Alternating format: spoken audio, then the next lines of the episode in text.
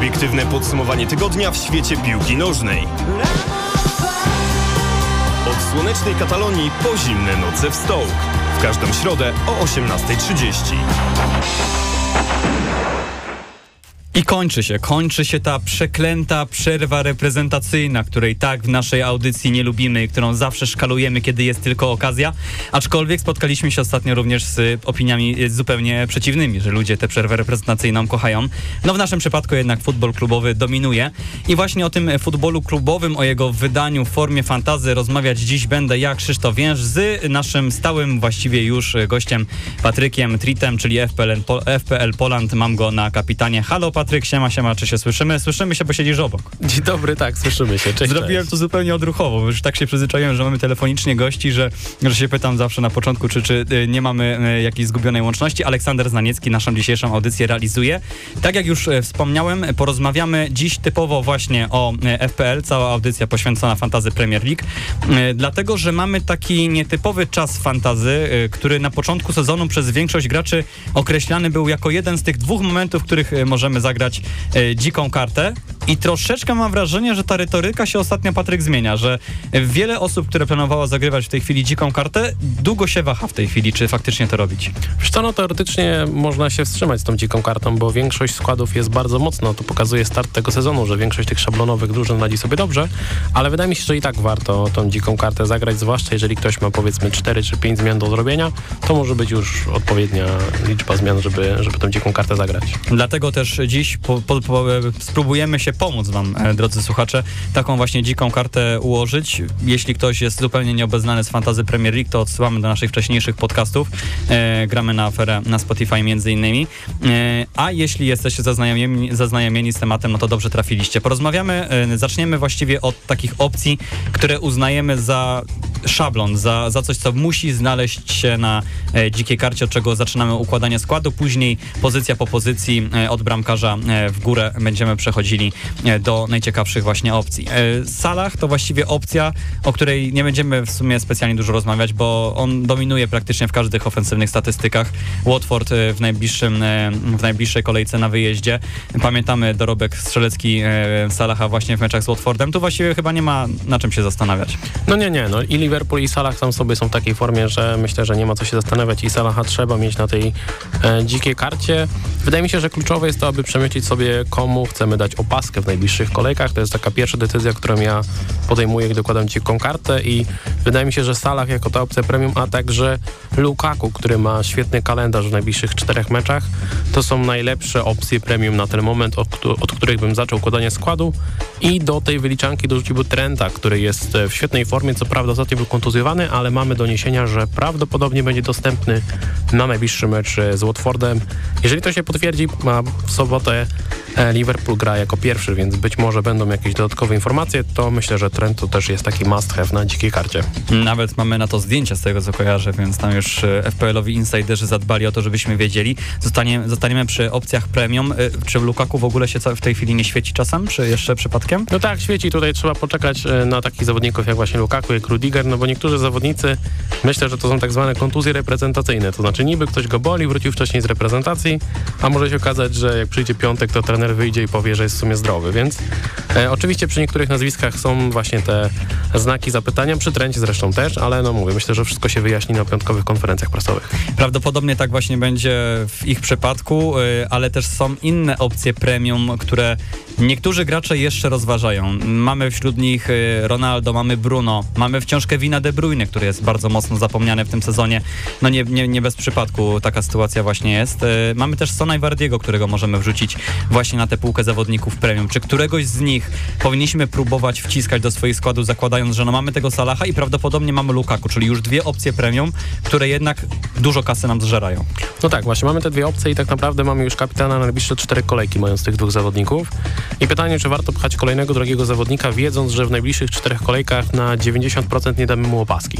Moim zdaniem nie bardzo, aczkolwiek tacy zawodnicy, jak wspomniałeś, jak Wardi, jak e, to są goście, którzy są powiedzmy tą półeczkę niżej, ten powiedzmy milion czy dwa miliony tańsi i być może warto ich upchnąć. Wydaje mi się, że warto upchnąć To może być bardzo ciekawy wybór i ciekawa różnica, bo jeżeli ktoś nie ma aktywnej dzikiej karty, to będzie mu bardzo ciężko upchnąć jednocześnie e, Lukaku, Salaha, Sona, Trenta i obrońców premium. A na dzikiej karcie jest to możliwe, więc jest to ciekawa różnica.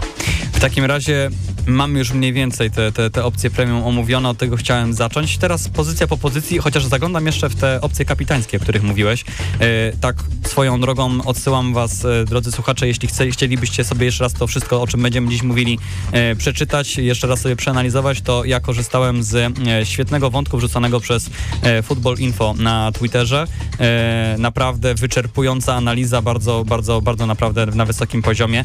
E, I zaglądam właśnie w tę analizę, widzę te opcje kapitańskie na najbliższe kolejki. Wydaje się, że tak jak mówisz, e, Salah na najbliższą kolejkę, Lukaku przez kolejne trzy, może nawet cztery kolejki. E, I nie ma sensu się faktycznie chyba specjalnie pakować, między innymi w tego Ronaldo, którego prawdopodobnie wielu graczy po tej kolejce może sprzedać, bo w tej kolejce mamy Leicester, a w kolejnej Liverpool, Tottenham i Manchester City, więc to jest chyba ten, ten czas, żeby tego Ronaldo się powoli pozbyć być może. Tak, no gdybym miał aktywną dziką kartę, to myślę, że uwzględniłbym już teraz Lukaku w składzie. W związku z tym, że nie mam e, i mam Ronaldo w składzie, myślę, że będę miał bardziej pilne transfery do przeprowadzenia niż e, transfer Lukaku za Ronaldo, bo tak jak mówisz, teraz ten mecz z Leicester, obrona Leicester wygląda bardzo słabo w tym sezonie, więc wydaje mi się, że Ronaldo jest niezłą opcją na tę kolejkę, aczkolwiek układając dziką kartę patrzyłbym bardziej long-termowo, długoterminowo i wtedy wolałbym mieć tego Lukaku. Okej, w takim razie przejdźmy już do tych y, pozycja po pozycji, formacja po formacji opcji. Zacznijmy od y, bramki. Y, ty z tego co pamiętam, Patryk, też jesteś wyznawcą strategii bramkarz 4,5 to bramkarz najlepszy i jedyny słuszny. Tak, wiesz co, no ja nie lubię takich sytuacji, w których mam droższego bramkarza, bo wiem z doświadczenia, że zawsze w sezonie i to z reguły bardzo szybko przychodzi taki moment, w którym brakuje ci pół miliona do jakiegoś zawodnika, którego koniecznie, koniecznie chcesz do składu, być może nawet na opaskę. I nagle widzisz, że na bramce masz tego gościa za 5 milionów czy za 5,5 i teraz myślisz, czy tu zrobić teraz kolejny transfer, czy za minusy zmienić bramkarza, to jest naprawdę straszny ból, więc poza tym kolejna kwestia jest taka, że tak naprawdę cena nie determinuje potencjału punktowego bramkarza. Ta cena jest taka, powiedziałbym, mocno umowna, raczej wynika z tego, w jakiej drużynie gra dany bramkarz, a praktyka pokazuje, że ci najtańsi bramkarze często punktują równie dobrze, jak nie lepiej, e, jak ci premium, więc ja wybieram z reguły niemal zawsze i bramkarza za 4,5 i wybieram jednego bramkarza, czyli bez rotacji. No i w takim razie konkrety. Mamy tych bramkarzy w granicach 4,5 e, całkiem sporo w tym sezonie. Po tych siedmiu kolejkach zdążyło już nam się ich kilku wyklarować. Mamy e, Ramsdale'a, który zastąpił Leno w bramce. Mamy Guaitę. E, mamy Raję, którego też raczej nikt nie rozważał na początku tego sezonu.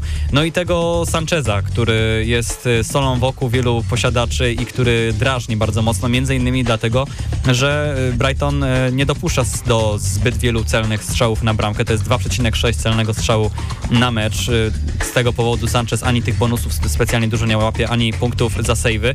Troszeczkę właśnie lepiej wygląda Raja, bo tam jest 3,2 celnego strzału na bramkę. Crystal Palace dopuszcza do 4,7 celnego strzału na, na swoją bramkę. Czy to są te opcje, na które ty zwracasz większą uwagę, czy może właśnie faktycznie ten Ramsdale, którego tutaj e, z tymi strzałami nie wymieniłem, ale również jest ciekawą opcją, tylko że no pamiętajmy, że krócej gra niż pozostała. Co, ja- try- tak, ekipa. Ja może bym to zrobić trochę na takiej zasadzie eliminacji. Wydaje mi się, że Sanchez, tak jak mówisz, on ma potencjał na 2 lub 6 punktów, w zależności od tego, czy będzie czyste konto, czy nie. Tak, i nie ma innej opcji w ogóle. No nie, no, praktycznie nie ma. szans. No, jak, raz na jakiś czas złapie jakiś tam bonus, jasne, ale jest mała na to szansa. I to jest moim zdaniem troszkę zbyt niski potencjał, chociaż ja wysoko cenię defensywę Brighton. To nie jest zły wybór. Gdybym nie miał odpalonej dzikie karty, gdybym nie miał go, jak go wymienić, to bym nie zmarnował niego transferu za nic w świecie, bo to jest nadal bardzo solidny wybór. E, Raja to jest ciekawy wybór, ale Brentford jest dopiero od kilku kolejek w Premier League i z tego, co udało się zaobserwować, oni są w stanie pójść na wymianę ciosów nawet z najlepszymi drużynami. I nie wydaje mi się, aby szukanie bramkarza z drużyny, która może pójść na wymianę ciosów z każdym, to był jakiś najlepszy, najlepszy pomysł. E, Guaita. Crystal Palace też w tym sezonie gra bardzo ofensywnie, znaczy bardzo ofensywnie, bardziej ofensywnie niż wcześniej. E, teraz pod, pod wodzą Patryka Vieiry e, grają bardziej efektowny futbol, bardziej ofensywny, więc wydaje mi się, że tutaj też mogą być problemy z CS-ami. E, no i cóż, zostaje nam ten, zostaje nam ten Ramsdale i ja wiem, że e, Arsenal i obrona Arsenalu to często jest taki mem, acz- aczkolwiek e, praktyka pokazuje, że w ostatnich sezonach oni zawsze notują minimum te 10 czystych kąt. E, w poprzednim sezonie byli trzecią drużyną pod względem straconych bramek, piątą pod względem e, expected goals against. W tym sezonie ta defensywa została wzmocniona m.in. o Ramsdale'a, przyszedł White, Tomiyasu, więc wydaje mi się, że tam jest duży potencjał na, e, na czyste konta. I kolejna kwestia jest taka, że Arsenal właśnie w przeciwieństwie do Brentford nie jest drużyną, która raczej idzie na wymianę ciosów, bo Arsenal ma nieco problemy ze strzelaniem bramek, z kreatywnością. I wydaje mi się, że Arteta jest takim trenerem, który w pierwszej kolejności liczy na to, żeby zachować czyste konto i ewentualnie skontrować drużynę.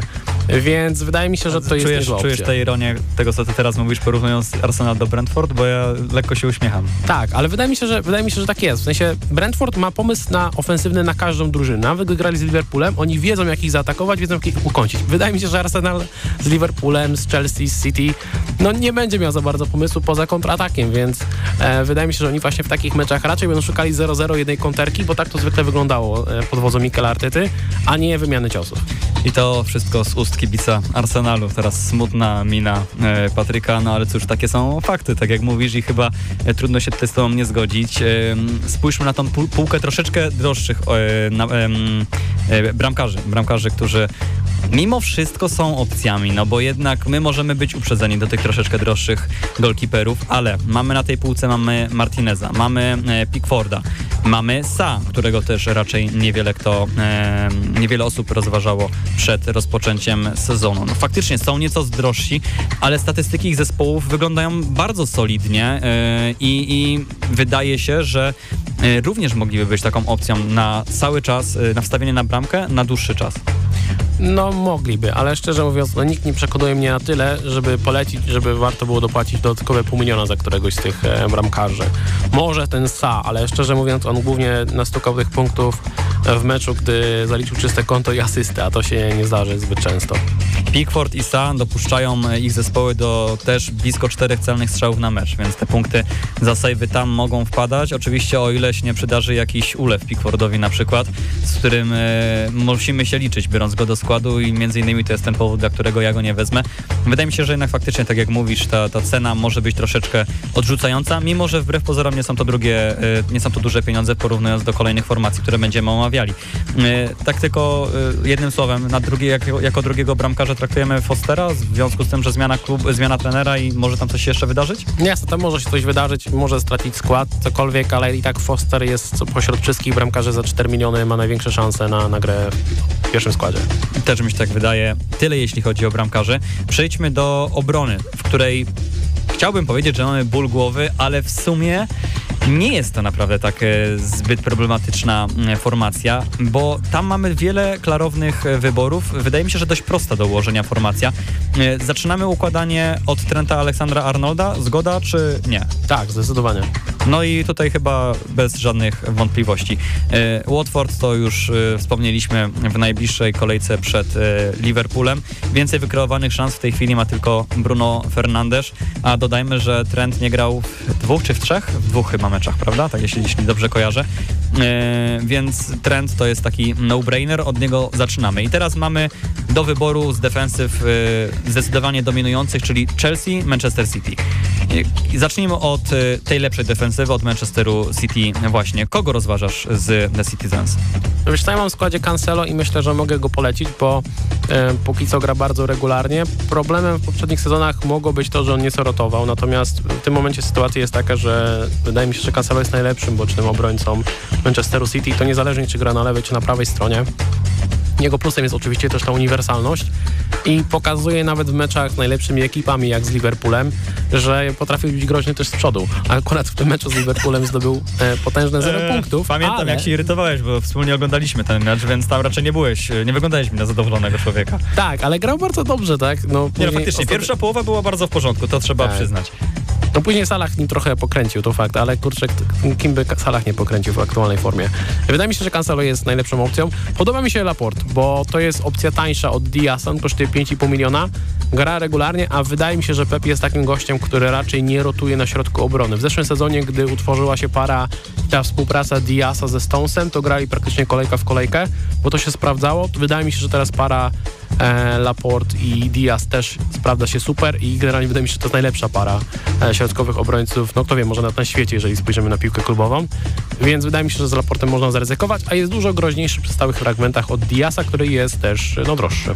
Dożyliśmy czasów, w których możemy powiedzieć, że mamy mniej pewności, jeśli chodzi o linię defensywną Chelsea w wyjściowym składzie, niż Manchesteru City, co brzmi bardzo irracjonalnie, ale no tak jest. I faktycznie, jeśli chodzi o wybranie tych zawodników z Chelsea, możemy mieć problem, tym bardziej, że e, Rudiger również zaczął się świecić na żółto, co oznacza, że tam jest teoretycznie, no właśnie, prawdopodobnie znowu to jest tak zwana kontuzja reprezentacyjna, jak to powiedziałeś, ale jednak coś tam na rzeczy jest, więc mamy problem z wyborem właśnie tego zawodnika defensywnego z Chelsea. Tak, zdecydowanie, bo tutaj jest kilka opcji, ale żadna nie jest na tyle mm, dobra, żebym z pewnym przekonaniem mógł powiedzieć, że jest najlepsza. Znaczy każdy jest dobry, każdy ma swoje plusy, ale ma też minusy. Możemy polecieć sobie pozycję po pozycji. Na prawej stronie może grać Aspilicueta, może grać Rhys James. Rhys James wraca po kontuzji, już podobno trenuje.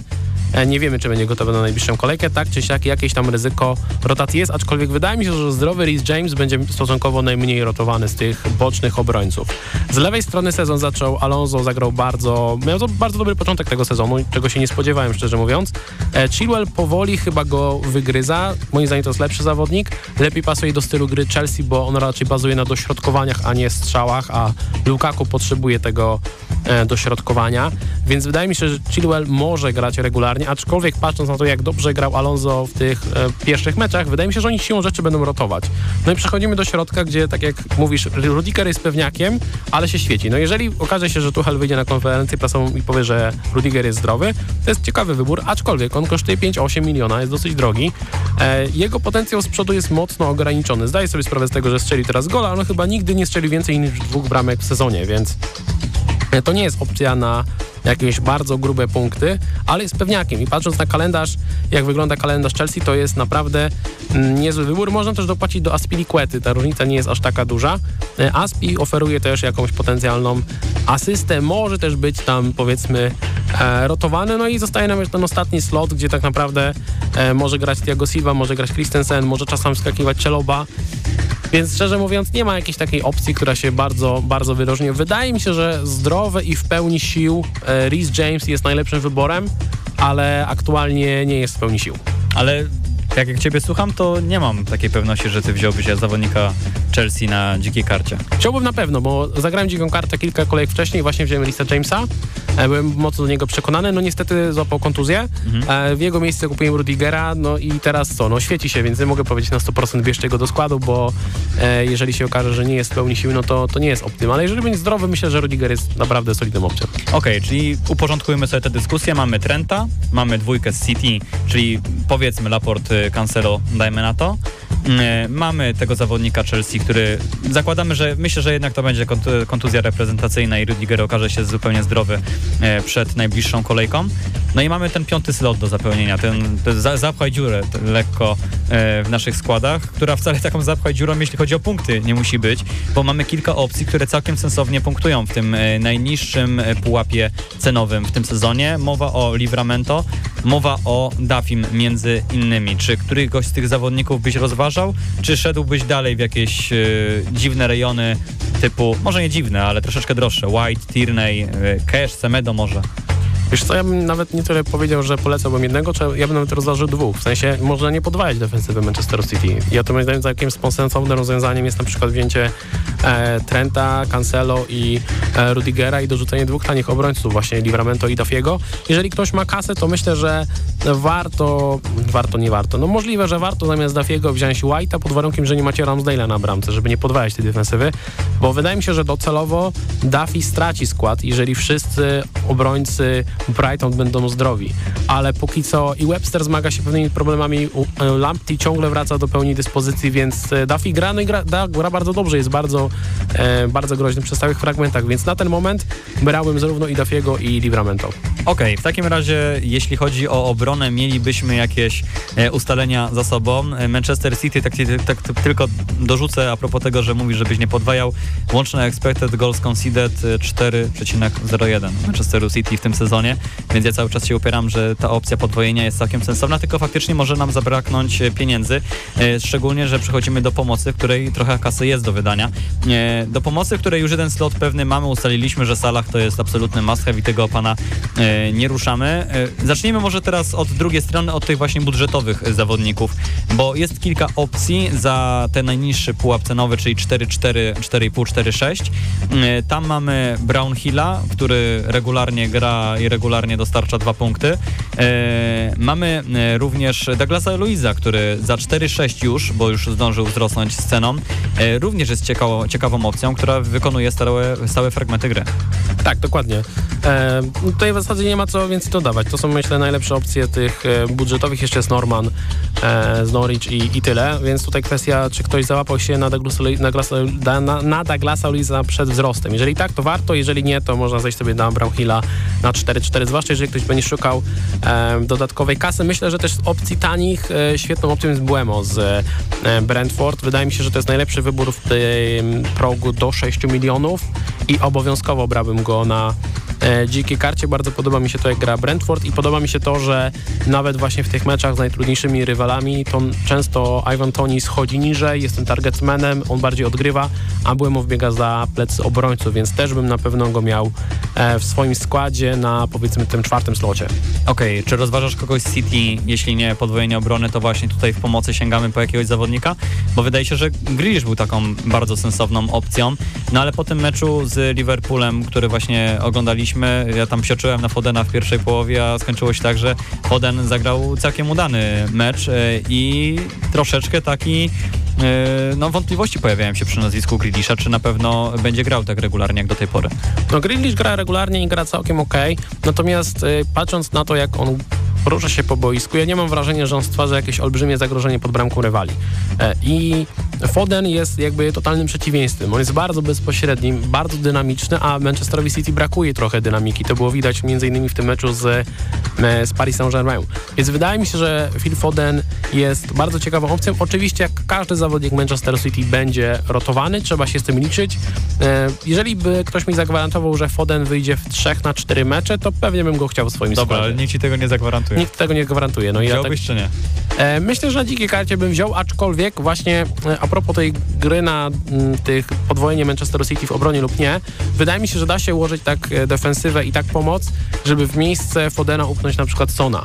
Jeżeli zejdziemy sobie na tańszego obrońcę zamiast tego Laporta, jeżeli sobie zejdziemy na trochę tańszego napastnika, da się w to miejsce upchnąć Sona. Gdybym nie pchał Sona, to pewnie brałbym Fodena. Okej, no to już przyjmijmy, że mamy Salaha, mamy Mbuemo, którego też wydaje mi się, że e, aż szkoda za te pieniądze byłoby nie brać. E, dorzucamy Sona, e, dorzućmy jeszcze West Ham, który przechodzi w trochę słabszy terminarz. Czy pozostajemy wierni takim opcjom jak Benrama, który swoją drogą chyba w ogóle zaliczył największy, największy e, wzrost e, cenowy, bo chyba o aż 0,6 urósł e, w tym sezonie Benrama.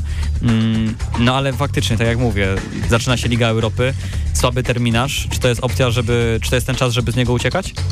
Wydaje mi się, że nie ma sensu podwajać ofensywy West Hamu. A chcemy Antonio. A chcemy Antonio, koniecznie. Moim zdaniem Antonio jest, e, no nie wiem, półkę lub dwie wyżej niż e, Benrama, więc gdybym miał zostawić kogoś z ofensywy West Hamu, to zostawiłbym właśnie Antonio, a w miejsce Benramy wolałbym sobie upchnąć do składu Rafinie. Co prawda wszystko wskazuje na to, że on nie zagra w ósmej kolejce, gdy, e, gdy Leeds gra z Southampton, ponieważ prawdopodobnie w piątek w nocy Rafinha zagra w pierwszym składzie reprezentacji Brazylii, co nie zmienia faktu, że jeżeli ktoś ma właśnie Livramento albo Dafiego, albo jednego i drugiego, to macie bardzo dobrą opcję na pierwszym slocie ławki i nawet niekiedy drugim slocie ławki, żeby wpuścić do pierwszego składu, a tego Rafinie przetrzymać jedną kolejkę i to nie powinien być absolutnie żaden problem, a od kolejki dziewiątej wydaje mi się, że to jest najlepsza opcja budżetowa spośród wszystkich pomocników. Czy zastanawiasz się nad takim zawodnikiem e, młody, znany, lubiany Bukayo Saka, czy, czy nie za bardzo? Czy to Bukayo Saka jest e, ciekawym wyborem, bo on jest bardzo groźny, zwłaszcza jeżeli gra na prawej stronie. Na prawej stronie. Tylko problem jest taki, że Arteta lubi wykorzystywać jego wszechstronność i rzucić go na inną pozycję niekiedy, na przykład na lewą stronę, a na prawą wystawić Pepe. I wtedy Bukayo Saka nie jest już aż tak e, groźny. Rozważyłbym Bukayo Sakę, ale na pewno nie za Rafinie, na pewno nie za Salaha i myślę, że mimo wszystko nie za Mbuemo, bo myślę, że Mbuemo ma podobny potencjał na punkt, a jest tańszy. Więc jedynie bym go rozważył na tym slocie, gdzie rozważam Sona, Fodena, to tam ewentualnie poszukał e, Saki, jeżeli ktoś potrzebuje dodatkowej kasy na inną pozycję. To robi się bardzo ciasno w tej pomocy w takim razie, ale jeszcze musimy omówić te opcje, które y, wydaje się wszystkim, że przestaną punktować, a coś punktować nie chcą przestać, czyli opcje z Evertonu Święta Trójca, Dukurę, Thousand i, e, i Grey. Czy wydaje ci się, że któryś z nich jest opcją, żeby w tej chwili ich brać? Bo nie pytam, czy trzymać, bo jeśli trzymać, to wydaje mi się, że na pewno. Ale czy wydaje ci się, że warto by ich było w tej chwili brać? E, wiesz co, wydaje mi się, że jeżeli wróci do składu Calvert-Lewin i Richarlison, to siłą rzeczy oni będą zbierać większość punktów ofensywy Evertonu, bo tak jest ułożony ich, ta drużyna, tak jest ułożona ta ofensywa. E, niemniej e, myślę, że na przykład Dukure jest niezłą opcją, aczkolwiek wydaje mi się, że Błemo jest lepszą, tak patrząc e, długoterminowo na następne kolejki, a nie chciałbym mieć dwóch pomocników za 5,5 miliona, bo to chyba byłoby troszkę e, za dużo. No chyba, że ktoś chce jednego z nich trzymać na ławce i po prostu mieć mocniejszą ławkę rezerwowych, to też rozumiem, wtedy to też jest jakaś opcja. Błemo, dwa gole do tej pory, 3,20 expected goals, 5 dużych szans i 4 razy trafiał w opromowanie bramki, posiłkuje się właśnie tymi statystykami e, Football Info, więc to tak e, gwoli uzupełnienia. Widzę, że zostało nam jakieś niecałe 5 minut naszej audycji, więc e, przechodzimy do napastników. E, no już powiedzieliśmy, że chcemy mieć tego Antonio. E, Troszeczkę się mimo wszystko boję, bo wiadomo jak to z formą Antonio bywa, jeśli chodzi o kontuzję. No i mamy już te rozgrywki Liga plus Liga Europy, ale jednak krótko mówiąc, jeszcze go trzymamy. Moim zdaniem zdecydowanie. Dopóki Antonio jest zdrowy, w pełni sił i gra w miarę regularnie, to moim zdaniem jest najlepszą opcją w ataku spośród tych e, zawodników, którzy nie są w kategorii premium, bo on ma statystyki jak zawodnik premium i punktuje jak zawodnik premium. To jest jedno miejsce, drugie to jest Lukaku, trzecie miejsce, no właśnie, kto tam trafia? Czy to jest Jimenez, który całkiem e, dobrze zaczyna wyglądać w ostatnich spotkaniach, chociaż te cyfry e, stricte Wolves e, przeciwnie do początku sezonu zaczynają wyglądać gorzej, a tutaj zaczynają przychodzić właśnie punkty Jimeneza. No tam mamy właśnie tak, Jimenez, Watkins, który jest cały czas zagadką, może Alan San Maximen przy zmianie właściciela będzie chciał się też pokazać, żeby zostać w klubie, kto to wie. Co wydaje mi się, że jest kilka opcji. Jeżeli ktoś ma troszkę więcej kasy, to Jimenez moim zdaniem jest dobrym wyborem, bo to jest bardzo dobry zawodnik. On przez wiele sezonów już pokazywał, że potrafi świetnie punktować w Premier League i myślę, że jest na tyle klasowy, jest, jest tak centralną postacią tych ataków Wolverhampton, bo nie tylko strzela, też kreuje sytuację, że siłą rzeczy powinien regularnie e, punktować. Jeżeli ktoś chce zejść nieco niżej sceną, bo na przykład właśnie szuka kasy na tego Sona w pomocy, e, to spojrzałbym w kierunku Toneja, ale raczej bym nie podwajał ofensywy Brentford, więc albo Tonej, albo Buemo. E, ciekawą opcją wydaje mi się też e, Adam Armstrong e, Southampton, bo on, Southampton ma świetny kalendarz po prostu i myślę, że można e, spróbować tej opcji. W ataku jest dosyć tani, 6 milionów, też nie ma co zbyt wiele od niego wymagać. Sam Maximan jest ok, wygląda bardzo dobrze, aczkolwiek jego liczby są lepsze w momencie, gdy nie ma Wilsona na boisku. Jeżeli Wilson wróci do, do gry, a pewnie niedługo wróci, chociaż z nim też różnie bywa, bo on jest wiecznie połamany, w każdym razie wtedy sam Maximan punktuje nieco gorzej. Z opcji takich jeżeli ktoś ma dodatkową kasę, nie wziął tego Sona, tylko wziął sobie tańszego pomocnika, można spróbować upchnąć Wardiego, jest taka opcja, można to tak ułożyć, albo można totalnie zaryzykować i spróbować z Wernerem i grać na przykład w ataku Lukaku plus Werner, ale nie mogę polecić Wernera. Tak. No, to już by było naprawdę egzotyczne. E, jest pytanie a propos zawodnika, którego nie wymienialiśmy w ogóle, a faktycznie to jest całkiem ciekawa opcja w ostatnim czasie. Karol pyta, e, czy rozważałbyś taki duet jak Huang i Mbuemo, czy wolałbyś pójść bezpiecznie, i, czy, czyli Tonej i ktoś z trójki e, e, midów e, Evertonu? E, wolałbym Toneja i kogoś z Evertonu. Bez dwóch zdań. Tak, ja myślę, tak. że Wydaje mi się, że to jest troszkę...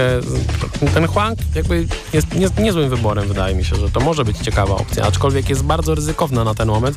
Zagrał kilka dobrych spotkań e, i statystyki jakby jego z poprzednich sezonów pokazują, że on nie jest aż tak skuteczny, jak to pokazał w tych poprzednich meczach, więc wierzę, kibicuję, trzymam go na watchliście.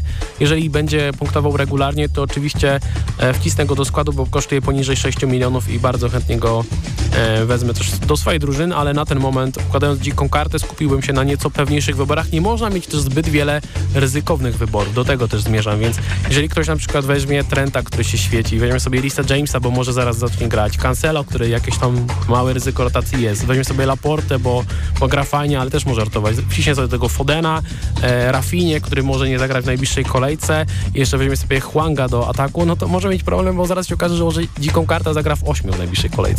Tak, to prawda. Szczególnie jeszcze biorąc pod uwagę na przykład brak e, Rafini. Więc, e, więc jest, jest grząski grunt, po którym nie radzimy stąpać. A powiedz mi, a propos, trochę zahaczając ten temat, e, co uważasz o takich podmiankach typu, żeby w tej chwili zostawić sobie jeszcze Ronaldo na Telester i, i takie, wiesz, planowanie na zasadzie w kolejnej kolejce podmieniam go na Lukaku, bo, bo, będzie, bo będę miał na pewno ten wolny transfer. Wiesz co, no ja myślę o czymś bardzo podobnym. Wydaje mi się, że też zostawię teraz e, Ronaldo w, składu, w składzie na najbliższy mecz. Ale ty nie, nie grasz dzikiej karty. Ja mówię Nie o osobach, które w tej chwili. A. zagrywają dziką kartę. No to mi się średnio podoba, szczerze mówiąc, bo to jest takie planowanie transferu do przodu i to jest jakby moim zdaniem strata czterech punktów potencjalnie, bo zawsze się wydaje, że on mam tak mocny skład na tyle kolejek do przodu, że na pewno tych transferów nie będę potrzebował, po czym gra jedna kolejka i nagle pięciu zawodników się świeci. Ja wiem doskonale, że tak to jest, bo też tak miałem, gdy zagrałem swoją dziką kartę. Też wydawało mi się, że no tak ułożyłem skład, że nic złego nie może się stać i w następnej kolejce miałem pięciu zawodników praktycznie do wymiany. No zaglądam w twój skład i teraz świecić się czterech, ale już na to, żeby porozmawiać y, o, o, o twoim składzie, o moim składzie y, nie starczy nam czasu, bo tak to już jest w radiu, że audycje nie są z gumy i trwają pół godziny. Jeśli trwają pół godziny, to trwają pół godziny i koniec. Patryk Tritt był dziś y, moim gościem. Wielkie dzięki Patryk, że jeszcze raz wpadłeś do nas do studia. Dziękuję bardzo za zaproszenie. Krzysztof Więż przy mikrofonie, realizował nas Aleksander Znaniecki. Wielkie dzięki za dzisiejszą audycję. Mam nadzieję, że do usłyszenia za tydzień. Całość do odsłuchania oczywiście na Spotify'u. Tam też wrzucę w opisie e, ten właśnie wątek, o którym mówiłem, z którego korzystaliśmy, dzięki któremu możecie się fajnie przygotować do dzikiej karty. Mamy nadzieję, że nasze sugestie były pomocne. Do usłyszenia za tydzień. Subiektywne podsumowanie tygodnia w świecie piłki nożnej. Od słonecznej Katalonii po zimne noce w Stołk. W każdą środę o 18.30.